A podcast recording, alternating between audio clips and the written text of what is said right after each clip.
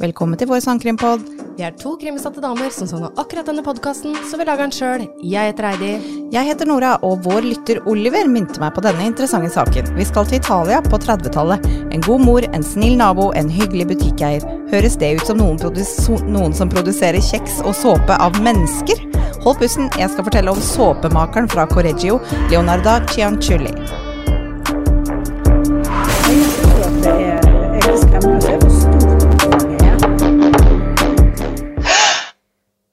Altså, av alle ord jeg kunne snubla på, så var det ikke det italienske. Det var sjukt bra intro. Ja, jeg syns det. Det, det, Wow. det er gøy å høre deg eh, snuble litt da, Ja, innimellom. ja. Jeg, jeg kjenner at jeg gidder ikke ta det på nytt. Nei, nei, det, det skjønner jeg. Hei, folkens. Hei! Hei. Hallo! Nå er det sommerferie, eller snart ferdig, kanskje? Ja, ja, ja det Hvor er vi nå? Denne her kommer ut om to uker? Ja, ja det gjør den. Ja, det er midt i, nå. Ja. Heidi begynte sommerferie for 17 minutter siden. Oh yes, yes, yes. Whoop, whoop, whoop, whoop. Kjipeste er at jeg skal ut og reise på tirsdag. Og det er selvfølgelig med SAS. Nei Midt i streiken, så det blir nok ikke noe tur på meg. eh, Hvor er det du skulle hen igjen? Det var det jeg ikke har nevnt, fordi eh, det er overraskelsestur for eh, Joakim i Oslo. Å ja, men, Ja. men nå, denne episoden slippes om noen uker. Ja, det er sant, så da driter vi i det. Ja. Eh, Tenerife. Tenerife. Tenerife, ja. Vi får se, da. Eh, ja. Jeg hadde en tur til Tenerife i 2020. ja, du hadde Eller det? du, du kan jo gjette åssen det gikk, da. Det var jo Eh, Jævlig dårlig. ja, Det var jo Det blei pandemi, da, gitt. Aldri vært der. Har du vært der? Uh, ja, jeg har det. Ja. Faktisk. Det er uh, Jeg liker meg veldig godt der. Mm. Det, og jeg syns det er litt kult der det er vulkansk øy. Ja, det er gøy. Ja, det og gøy. det er masse småvulkaner oppå der som du Er kan det se ikke på aktive. den øya hvor de eh, har uh, Hvor de tester sånn NASA-roboter, de som skal gå på Mars, Jo. i den derre sanda? Ja, I vulkansanda, for det er litt sånn likt sånn som Ja. de antar det er på Mars. jo, men tviler ikke, for det er så mye aktive vulkaner der at det hadde ikke forundra meg. Kjempekult. Oh, okay. Ja ja, men vi får se om det blir noe tur på deg, da. Ja, det Er, er det innstilt? Nei, det Nei, men- Ikke fått noe beskjed ennå. Så i morgen, tenker jeg, da går eh, For Ving sa det at de får, eller disse reiseoperatørene da, sier at de Ja. får beskjed av SAS gjerne et døgn før Ja. av hvem som blir kansellert og ikke. Og nå ser jeg de nekter jo å fly folk hjem fra Syden.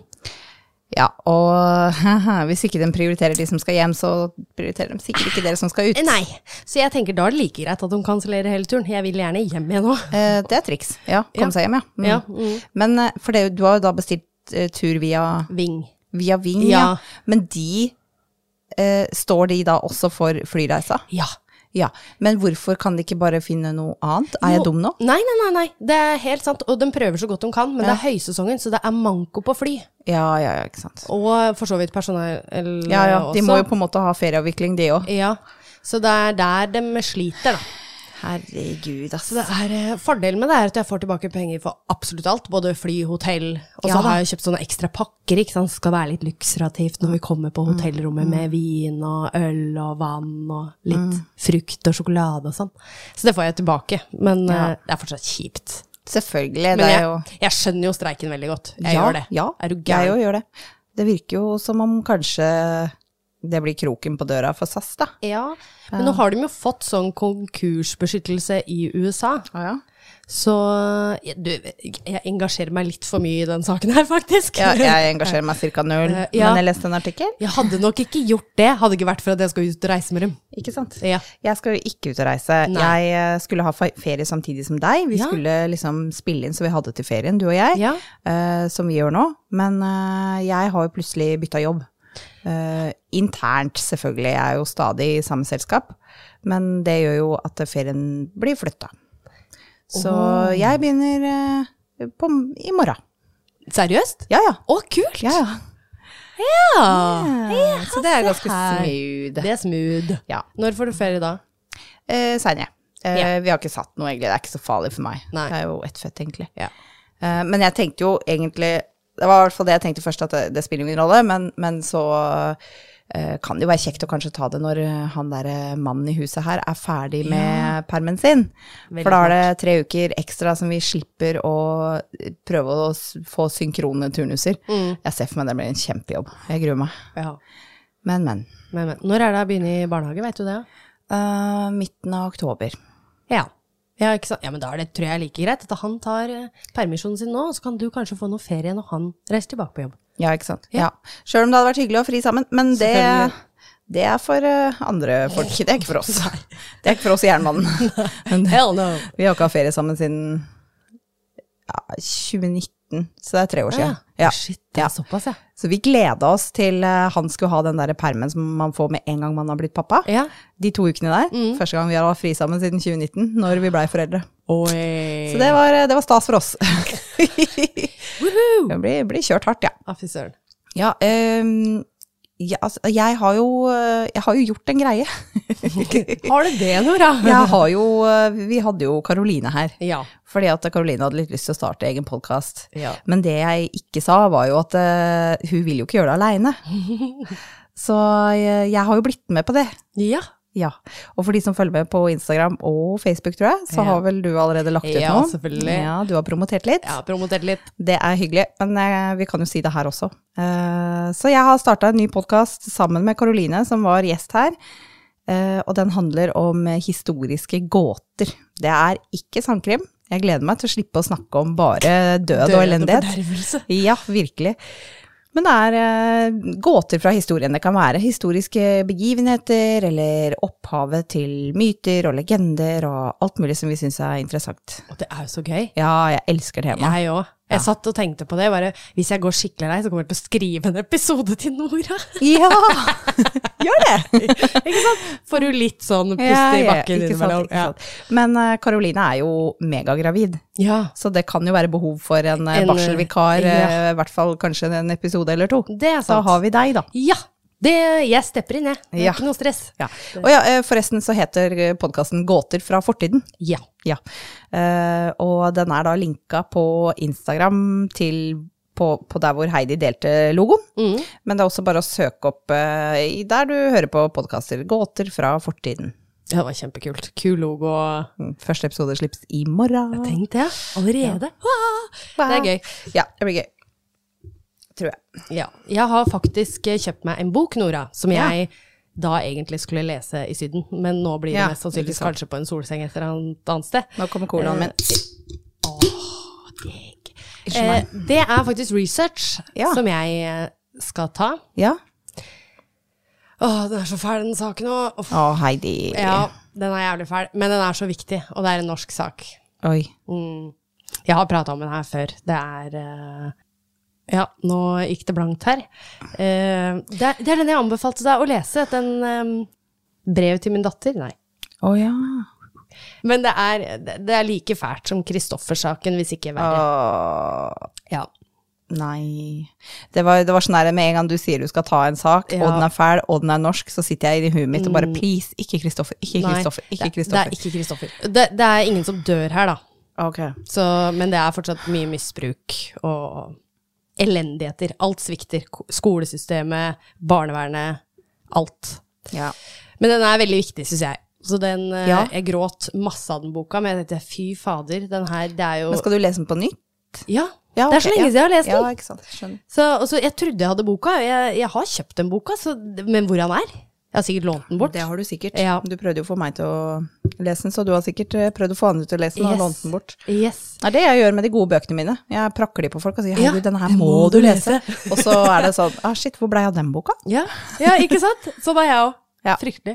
Eh, et tips faktisk jeg så på Netflix, den hadde jeg også lyst til å ta, men så tenkte jeg nei, vet du hva, det kan være heller en gave til dere lytterne. en gave til lytterne, lytterne, ja. lytterne. Ja, Sommergaven. dere. Sommergaven. Eh, se på Netflix, så har det kommet en ny dokumentar, Jenta på bildet. Mm, du sendte meg snap Ja. i forrige års eller noe. fader, for noen twister. Jeg har ikke sett den ennå, men jeg gleder meg. Eh, gled deg. Jeg, jeg, jeg satt der og måpa bare what the fuck? Så det er anbefalt. Yes. Yes. Fantastisk. Så god sommer. Ja, hilsen Heidi. Sommergave. Sommergave. Ja.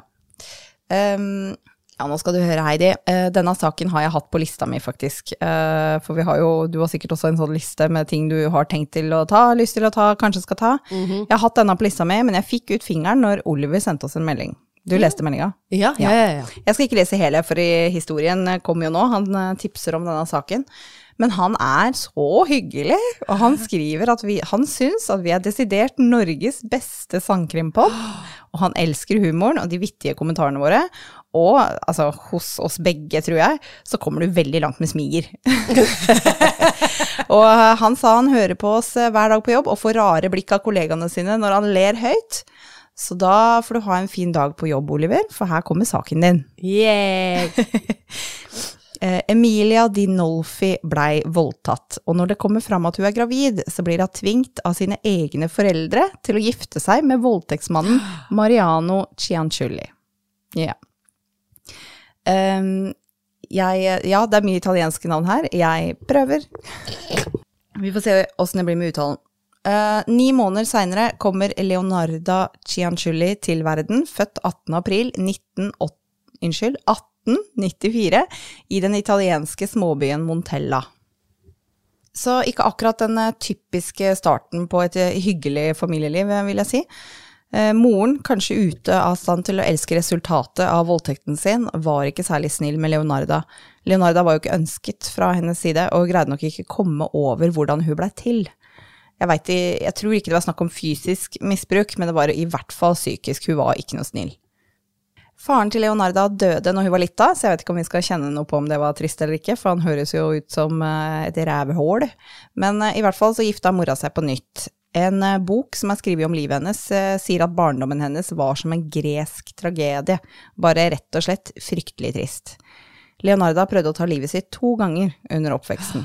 Oi. Etter hvert møter hun den store kjærligheten, en kontoransatt ved navn Raffaele Pansardi. Moren og stefaren var ikke særlig glad på datterens vegne, fordi de hadde allerede sett seg ut en ektemann til henne. Sjøl om Leonarda var blitt behandla dårlig av dem, så ville de gjerne gifte henne bort til en som var litt bemidla, for de var veldig fattige, og gjennom Leonarda så så de sitt snitt til et bedre liv. De var faktisk så imot hele ekteskapet med Raffaele at moren, ifølge Leonarda, kastet en forbannelse over dem. Oh, hei sann.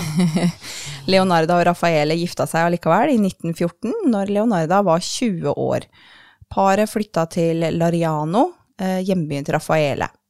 I 1927 må 33 år gamle Leonarda sone tre år i fengsel for svindel og akkurat detaljene rundt det veit jeg ikke helt. Eh, det er ganske lenge siden, og vanskelig å finne ut av.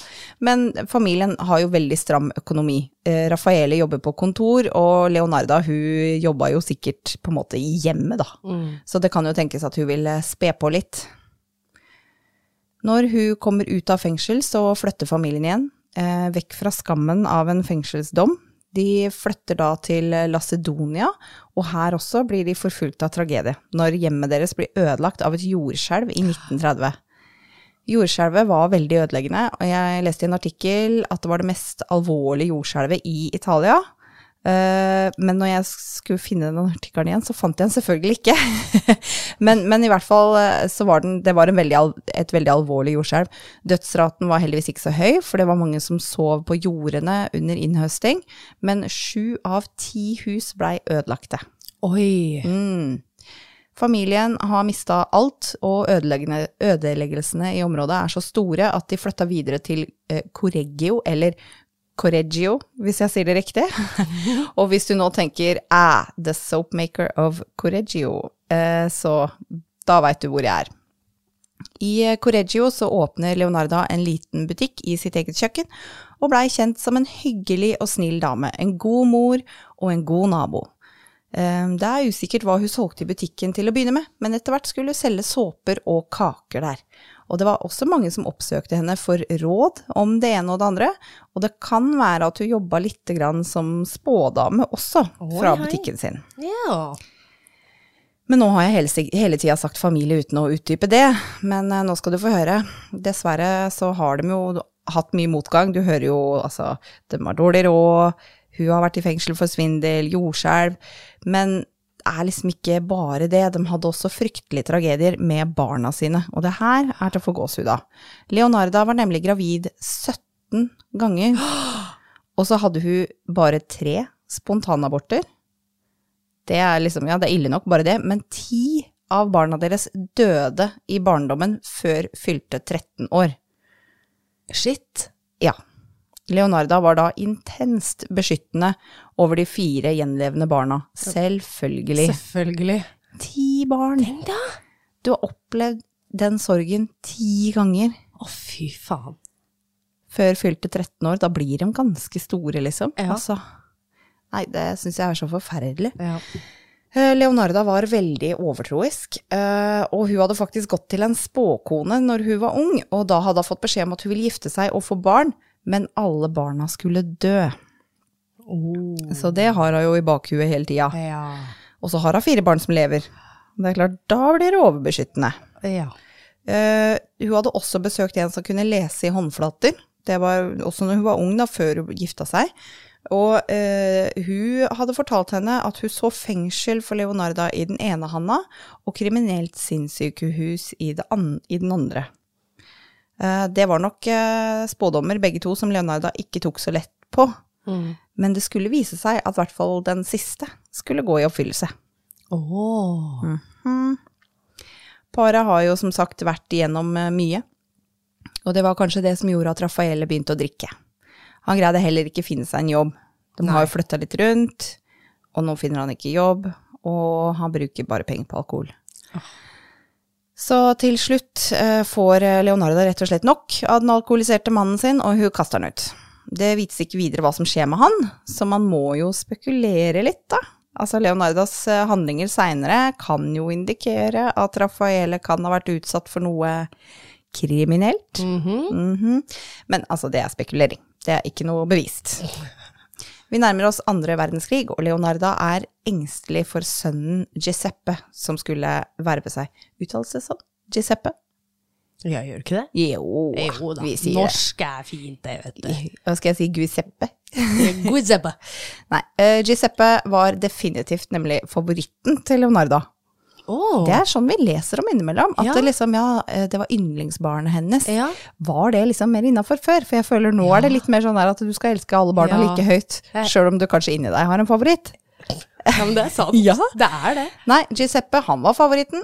Han var den eldste sønnen og den første av barna hennes som overlevde barndommen, ikke sant? Så hun var jo spesielt glad i han. Og når staten da begynner å kreve at alle som kan skal verve seg for å kjempe i andre verdenskrig, da blir Leonarda fortvila og begynner å planlegge hvordan hun kan beskytte han. Fordi hun orker ikke flere dødsfall. Nei. Hun tenker da at hvis hun kan få noen andre til å ta plassen hans i etterlivet, så vil vel han sannelig overleve krigen. Så logisk nok for henne, så begynner hun å planlegge menneskeoffer. Ok. Japp. Wow. Ja. har du hørt den saken? Nei, jeg har ikke du det. ikke det? Nei. Jeg tror han stoppet på lista mi i sikkert et år eller noe. Oi. Jeg, jeg snubla vel over den når jeg kikka på kvinnelige seriemordere, for det syns jeg er litt interessant. Ja, det er det. Mhm. Det var vel når jeg tok den Bell Gunnes-episoden, Mm, så snubla jeg gjennom hun her. Ja, nei, så det er uklart hvor hun fikk denne ideen fra. Eh, I Italia var det da, som det er nå, et flertall katolikker, og det er jo ikke som om de driver med menneskeofre. Eh, Vi veit jo at Leonarda gikk til sånne roman... Hva heter det? Romani... Romanian? Nei. Nei, Nei. romani. Sånn rom... Hæ? Sånn sigøynerfolk. Ja, ja, ja, du- ja, ja. Du, kan ikke si sigøyner. Esmeralda. Ja, det er ikke lov å si sigøyner, det er ikke PK lenger. Ok. Ja, romani. Ja. Sier de på engelsk, da sier vi det på norsk. For jeg veit ikke hva som er PK på norsk. Unnskyld. Nei. Ikke meninga å tråkke noen på tærne. Så vi veit at Leonardo gikk til romani spåkoner, men heller ikke innenfor på en måte dems kultur, så finner vi noe som støtter ideen om menneskeoffer. Så hvorvidt egentlig det var grunnen, da, at du trodde at dette hadde noe for seg for å beskytte Giuseppe, det kan vi diskutere etterpå. Hmm. Butikken til Leonardo er populær. Det er mange som stikker innom bare for å skravle. Og sånn kjenner Leonarda innbyggerne i byen veldig godt, og hun veit akkurat hvem hun kan ta av dage som ikke vil bli savna. Ja, valget faller på Faustina Setti som første offer, en ensom peppermø på 73 år som søker Leonardas råd for å finne en ektemann.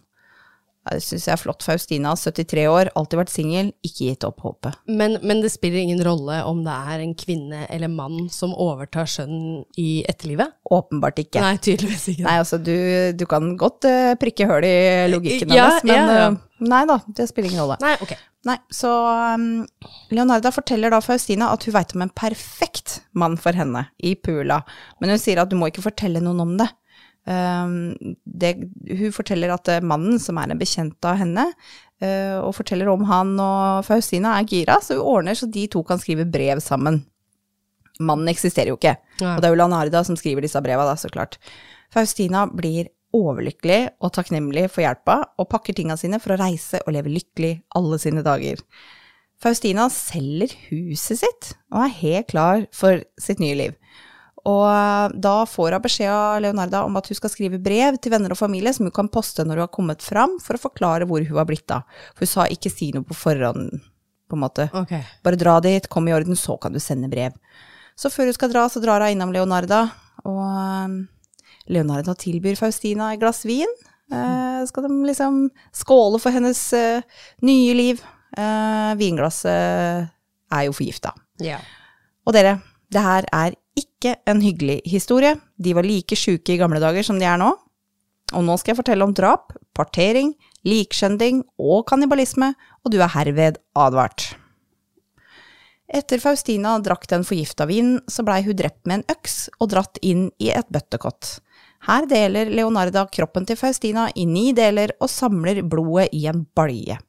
Leonarda har faktisk skrevet en bok eh, som ikke er lest, men her er et utdrag hvor Leonarda sjøl beskriver dette drapet. Hei sann. Hei sann. Jeg kasta bitene i en kjele og tilsatte sju kilo kaustisk soda som jeg hadde kjøpt for å lage såpe. Så rørte jeg rundt til alt var oppløst til en tjukk, mørk smørje. Smørja helte jeg i flere bøtter og tømte det i en septiktank i nærheten. Jeg venta til blodet jeg hadde samla i balja koagulerte, så tørka jeg det i ovnen, malte det opp, blanda det med mjøl, sukker, sjokolade, egg og melk og litt margarin, og så knadde jeg alle ingrediensene sammen. Jeg lagde mange knasende kjeks og serverte de til damene som kom på besøk, og jeg og Giuseppe spiste også noen. Ja. Ok. Reine kokeboka. Ja, det var det! Det, var det hørtes sånn ut. Ja, det var liksom mjøl og sukker, sjokolade, melk og egg, og litt margarin. Du kunne Og så knar du det sammen. Altså, det eneste du har glemt her, er måleenhetene. Ja, Vi faktisk. veit det er sju kilo kaustisk soda, men hva, hva mer? Det hører, sånn som du fortalte det, så hørtes det ut som sånn barnevise. Det er Ja. kanskje litt stygt å si. Ja, ja. Hvordan er den? Det er altså sånn og, Når en pepperkake Ja, baker, baker pepperkake, kaker. Ja. Tar han først sju kilo kaustisk soda og en menneskekropp. Ok, nå får han Oliver seg en god latter på jobb. Oh yes. Eh, kaustisk soda det er natriumhydroksid i fast form. I flytende form så kjenner vi det som lut, og det kan brukes til å åpne f.eks. avløp, og da kjenner vi det som plumbo. Det er også et stoff som bruker i, brukes i papirtilvirkning for å bryte ned treverk, så det er veldig, veldig etsende saker. Det er det hun hadde sammen med kroppen, da, for å få denne smørja. ja. Noen kilder sier også at Leonarda fikk alle sparepengene til Faustina, 30 000 lire, som takk for hjelpa når hun spleisa henne med denne mannen i Pula. 30 000 lire er jeg har konvertert det til norsk og til dagens verdi, Oi. og da er det 3292 kroner. Høres ikke ut som veldig masse, men det, alt var mye billigere på den tida. Ja. Så det er klart, det, det er mye penger. Du, Det- du ville ha kommet langt med det. Ja. Det er eh, sparepengene til Faustina, liksom. Ja. ja. Um, Leonarda uh, sender da yngste sønnen sin til Pula for å hjelpe henne med noen forretningsaffærer. Og det inkluderer da å poste brevene som Faustina skrev, så de får riktig stempel. Oh, Smart. Smart. Men hva er bedre beskyttelse enn et menneskeoffer, Heidi? Tre menneskeofre! Oh my Oh. god. Hennes neste offer var Francesca Suavi. Francesca sitt liv hadde ikke blitt akkurat som hun hadde planlagt. Hun hadde blitt enke, og hun hadde ikke jobb, og hun sleit økonomisk. Hun kom sikkert innom butikken til Leonarda for å slå av en prat, lufte litt Ja, ja, eh, ja. frustrasjon. Og Leonarda forteller Francesca om en jobbmulighet. Hun hadde faktisk funnet en jobb til henne på en jenteskole i Piacenza. Eh, Leonarda anbefalte henne å skrive brev til venner og familie og dra med det samme. For det, det, det hasta. Denne stillingen måtte fylles nå, du må være kjapt ute. Men da får du en jobb, liksom. Og Francesca kommer også innom Leonarda på avreisedagen sin. Og det samme resultatet Skjedde da. ja, med, med samme resultat som Faustina. Så forgift vin, drept med en øks og partert. Dette skjedde 5.9.1940. Og som takk for hjelpa med å skaffe henne jobb, så hadde Francesca gitt Leonarda 3000 lire. 3000, ikke 30 000, så det er jo betydelig mye mindre, Ja. men lell. Ja. Eh, og familie og venner de fikk brevene fra Francesca hvor hun skrev at hun har det bra i sin nye jobb. Fy fader. Ja, Sjukt, ass. Så det tredje offeret er Virginia Cacioppo, sier vi. Wow. Jeg, jeg, er god, ass. Jeg er god, jeg er god. Imponert. Virginia hadde jobba som soprano ved La Scala. Hørt om La Scala? Nei. Nei, La Scala er operahuset i Milano, ledende og verdenskjent ennå. Oi. Men eh, hun var nå arbeidsløs og trengte sårt en jobb. Leonarda fortalte Virginia at hun hadde funnet en jobb til henne som sekretær for en teatersjef i Firenze. En perfekt jobb for Virginia, da, som har liksom vært sopran og greier.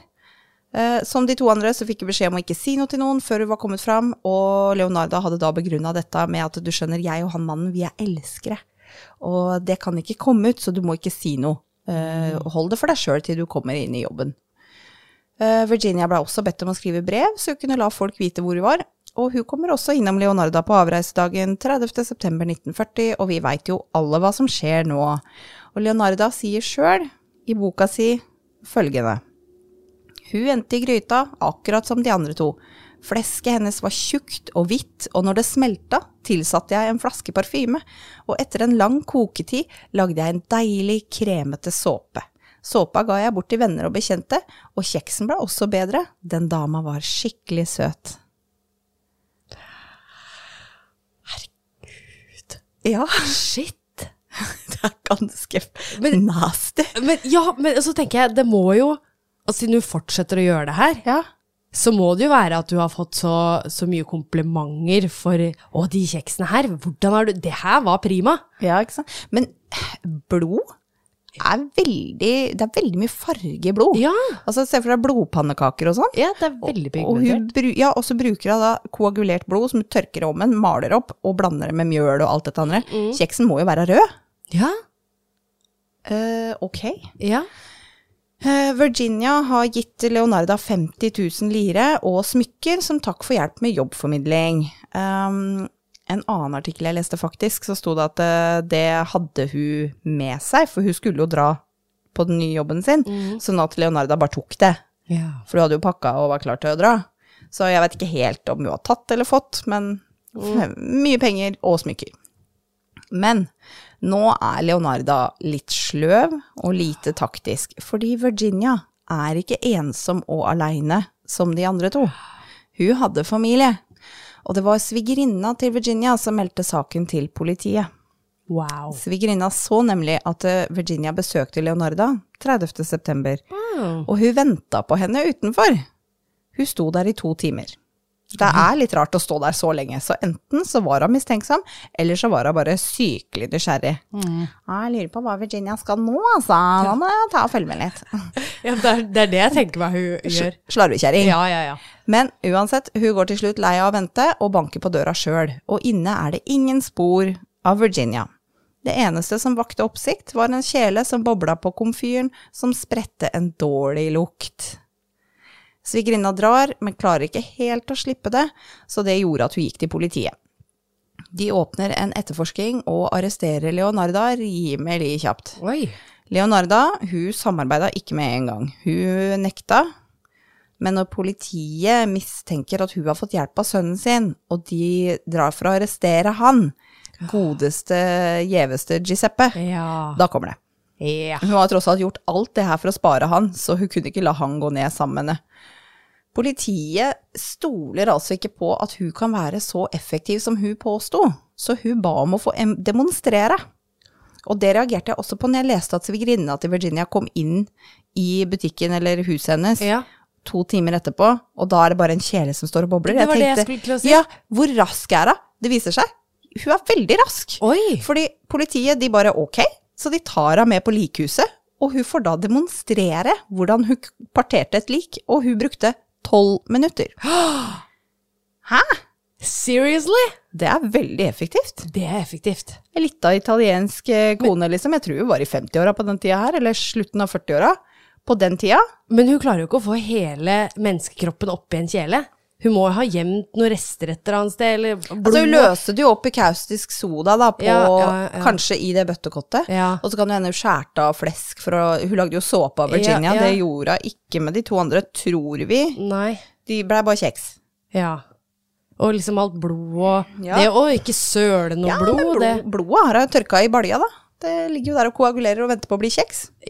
Ja, men hun må jo ha tømt det. Hvor faen er det blodet? Bøttekottet. Ja, å, alt i bøttekottet, ja. Alt i bøttekottet. Det tror jeg. Eh, ja. Ja, så det er, ganske, det er egentlig litt imponerende. ja, det, det jeg blir Hvis imponert. man, kan, hvis man kan tillate seg å bli imponert. Eh, Da selvfølgelig så mistenker de ikke sønnen eh, lenger, eh, og hun blir tiltalt aleine. Rettssaken finner ikke sted før i 1946. Oi. Det er jo sikkert pga. krigen, da. Ja. Ja. Tenk, om hun hadde vært uskyldig, og så måtte hun sitte og vente i seks år. Men hun var jo ikke det. Uh, Leonardo er helt uten skyldfølelse. Hun retter til og med når uh, statsadvokaten øh, liksom snakker om hva hun har gjort, så blir han til og med på en måte Hun bare Nei, nei, det var ikke sånn. Det var sånn her. Og Ja hun retter på det? Ja, ja, ja. Og hun forteller at kobbersleiva hun hadde brukt til å dra av fettet i kjelen med, den har hun gitt i innsamling til landet som så sårt trengte metaller til skytevåpen. Og det er så veldedig, Leonarda. Å, Takk. Gud. Ja. Uh, hun fremstår som hyggelig og snill, som bare vil gjøre alt for å holde familien sin trygg. Det er jo liksom Altså, hun, hun var jo veldig godt likt. Ja. Er Sikkert kjempesympatisk, uh, og fremstår som det i retten. Uh, det, og det virker som hun ikke helt skjønner at de andre på en måte syns at hun er et tarvelig menneske, da. Hun forstår det ikke helt. Nei, nei, ok. For, det, for hun gjør jo bare alt for å holde familien sin trygg. Ja. Ja. ja, ikke sant. Så hun ser liksom ikke helt hva det var som var så gærent. Det var jo bare for å beskytte sønnen. Eh, dommen blei så klart skyldig, og lyder da på tre år i kriminelt asyl og 30 år i fengsel. Oi. Men husker du spådommen? Ja. Det hun leste i hendene ja. hennes? Begge deler. Hæ? Fy fader. Det er litt artig. Eh, de, hun hadde jo fire barn. Ingen av de trodde noe på det her. De var helt sikre på at hun var blitt pressa til å tilstå. Moren var en varm, omsorgsfull og kjærlig kvinne, og de klarte ikke liksom forene det med at hun skulle liksom ha drept tre personer på så forferdelig måte. Men de måtte bare akseptere det, da, når Leonarda sjøl publiserte boka si. Ja. Så døde hun på psykiatrisk avdeling av en hjerneblødning i oktober 1970. Da var hun 79 år gammel. Oi. Hun var jo fryktelig overtroisk, eh, men i dag så kan man se indikasjoner på at hun kan ha lidd av angst og depresjon. Hun hadde jo tre spontanaborter, som er nok til å sende en hver over kanten, egentlig, men når hun i tillegg opplever at ti av barna dør i barndommen, Ja. altså kutt Det skjer jo noe med det, da. Og i tillegg, hun var kanskje litt skjør psykisk fra før av, for hun prøvde å ta livet sitt to ganger når hun var lita. Ja. Og liksom den oppveksten vi har hatt, og du blir jo fucka mindre, tenker jeg da. Ja, ja. Eh, Kliniske psykologer, som jeg leste i en artikkel uh, på allthat'sinteresting.com, mener at overtro også kan komme når en, et nedbrutt sinn prøver å forstå seg på det som tilsynelatende er ubegripelig. Så da har du på en måte en person som er, som kanskje sliter med angst og depresjon, som er sårbar for å tro på hva som helst egentlig, for å få ting til å gi mening. Mm.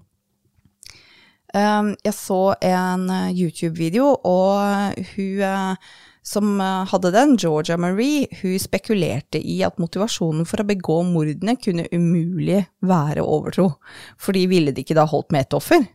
Og hvor fikk hun i det hele tatt ideen fra? Um, hun, Georgia Marie da, på YouTube, uh, hun har en sånn slags sandkrempod bare på video. Eh, hun mente at dette var en unnskyldning eh, for det virka som hun hadde interesse for å drepe.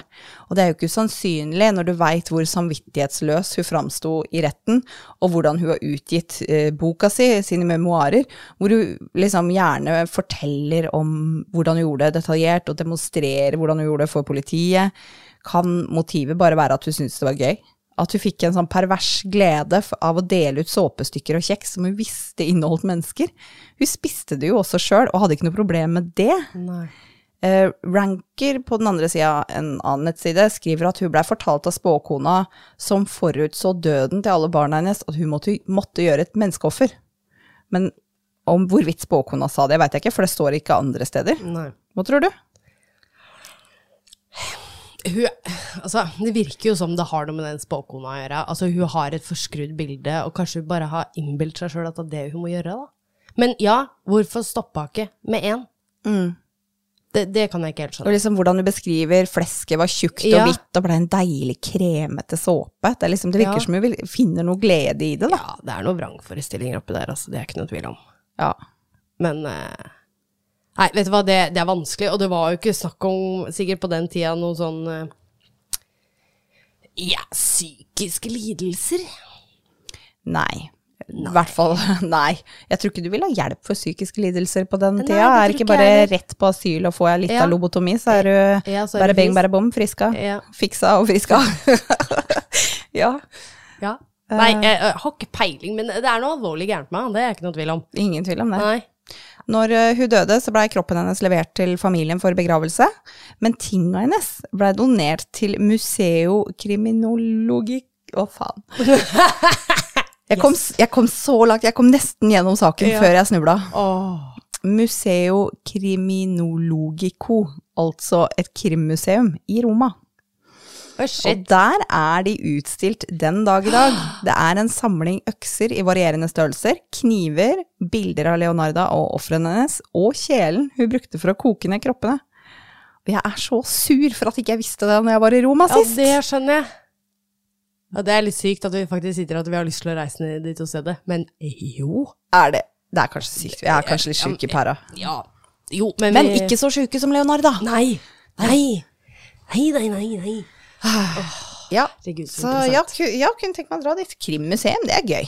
Det, ja, har vi så Jeg var jo på, eh, på, på, på i Oslo når det var det um, 22. juli-museet der. Å ja. Eh, ja. Eh, veldig Det- det flott nesten, og respektfullt, respektfullt, Ja, faktisk. det føler jeg nesten er sånn tragediemuseum. Ja.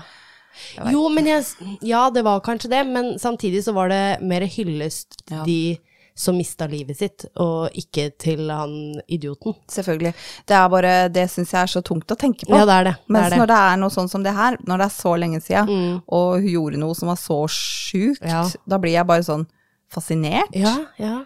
Mens, mens 22. juli blir jeg bare trist, da. ja, det er sant. Det er veldig sant. Så jeg kunne godt tenke meg å dra og se på dette her i Roma. Ja, det kunne jeg også. òg. Bare fordi da, det, det er spennende, liksom. Ja. Og, men nei, å, det blir så nært, Men, liksom. men det blir jo litt vi, vi tar jo de Eller jeg veit ikke om du var på det, men jeg var på de hvite bussene når eh, jeg gikk på videregående. Det fikk, eh, fikk aldri vi, dessverre. Nei. Og der også ble jeg fascinert av å bare Det var jo helt jævlig. Ja. Men bare å gå inn i de bygga hvor du ser da alt av hår, alt av kofferter, alt av sko, briller, gafler. Og, og så fikk du gå inn i det ene krematoriet, da, hvor du ser Mm. på en måte eh, sånne kloremerker langs veggene og sånn. Det var jo helt jævlig, Ja. men Men det er jo det var så viktig. for Ja, meg. ja, herregud, det er en del av historien. Ikke Ja. sant? Jeg vet ikke, det er vel det at 22. juli er så nært i tid. ja, det er det. Ja. Men det er jo faktisk ti år sia. Ja, det er sant. Eller er det elleve? Mm, Var, det ikke 2010? Nei, 2011, mener jeg. 2011. Ja. Ja. du har rett. Ja. 2011. Det er 11 år år siden. Herregud. Og for de som ikke har tatt de hvite busser, eh, så, gå, så var dere i Vi var i Polen. Eh, Auschwitz. Dere var på Auschwitz? Ja. Mm, Auschwitz 1 og 2. mm. Ja. Eh, veldig flott tur, og hvis dere ikke Kan, du, med kan du skjønne at det fins holocaust-fornektere? Ja, det, det er helt sjukt. Er det mulig? Det fins også folk som tror jorda er flat, liksom, så det er mye rare mennesker her. Men altså, hallo! Ja. Noe som er så godt dokumentert. Det er Hvordan kan godt. du fornekte det? Nei. De må faen bare ta seg en tur. Ja. Det provoserer meg, ass. Ja, Går det an? Det er helt sjukt. Jeg er helt enig med deg. Det, er, det, det blir litt som å si Berlinmuren ikke eh, fantes enda. Ja. Berlinmuren, eh, det er jo en del av den. Ja, den står Enda, der, liksom. Altså, Auschwitz også står Det der. står der, ja. Hallo! Det er Det, jo helt hvordan, det, det går, kan, du kan ikke fabrikkere det. Nei. Nei, vet du hva, det provoserer meg grenseløst. Ja. Ja, nei, Ja, det, nei. det var en digresjon. Men, men Ja. det, var, eh, det var saken min, da. ja. Herregud, så spennende. Jeg hadde ikke hørt den før. Men, men jeg mener at jeg har hørt om noe sånn at det var noen som lagde noe såpe og greier av Og det er den her, da. Det er den her. Eh, hun er jo da kjent som å være Altså, hennes på en måte Hva skal man si? Seriemordernavn er såpemakeren fra Correggio. Ah, Mm. Enda hun eh, lagde såpe av hun siste av Virginia. Ja. Eh, Veit ikke Tror ikke hun gjorde det med de to første. Og det er på en måte ikke noe i, som indikerer at hun gjorde det. Hun har heller ikke sagt at hun gjorde det. Nei. Så det er rart at hun ikke er, eh, Hun prøvde sikkert å være litt mer liksom oppfinnsom. bakeren. Ja. Lagde bare såpa igjen. ja. Kanskje hun eksperimenterte litt. Mm, mm, mm. Virker sånn. Mm. Rar dame. Eh, ja. Uh, Fins masse bilder av, Ja, så det det, kan jeg legge ut. Å. Eh, finner jeg bilde av ofrene, så tar jeg med det også. Jeg har sett noen bilder av dem, men det var jo i den videoen. Ja. Uh, men det finner jeg nok. Spennende. Mm. Herlig. Jeg gleder meg. Hvor finner vi det, da? Og det finner du på Instagram og på Facebook, Heidi. Det er bare å søke opp Hold pusten pod. Eller så legger jeg ved også en link i uh, beskrivelsen av episoden, så klikk dere inn der. Å, du er så flink, du. Jeg er rutta. Du har gjort det før, si. Jeg har gjort det før, si. Jeg er tross alt ganske proff. Jeg har jo hele to podder nå. Word. Jeg driver, driver og flotter meg med det. Ja. Men uh, skal vi se, hvilken dato er det vi gir ut nå, da? Det er jo uh, Vi er mot slutten av juli. Da må dere jo huske at vi skal være med på en podkastfestival 26. august, er det ikke det, Heidi? Det er rikt 25. Er det 25.? Nå. Ikke kødd med meg her, da. Det er en torsdag. Det er en torsdag Ja, i august. Ja, jeg mener at det er 25., fordi jeg prøvde nemlig å legge ut om noen ville ta den vakta for meg 26. Torsdag 25. august Yes! klokka 20 på, eh, hos Solveig i Drammen. Ja. Og det er gratis. Ja, og det er live, dere. Det er live, dere. Så hvis du mener at Heidi kødder for mye på redigerte episoder, så bare vent. Bare vent. ja. Du, du tar noe som, ikke, som er litt mer lettlest. Jeg, jeg skal prøve på det. Det spørs, da. Spørs, da. Spørs, Ja. da. Ja da, nei, men greit. Folkens, nyt sommeren, og så snakkes vi neste uke. Det gjør vi. Ha det!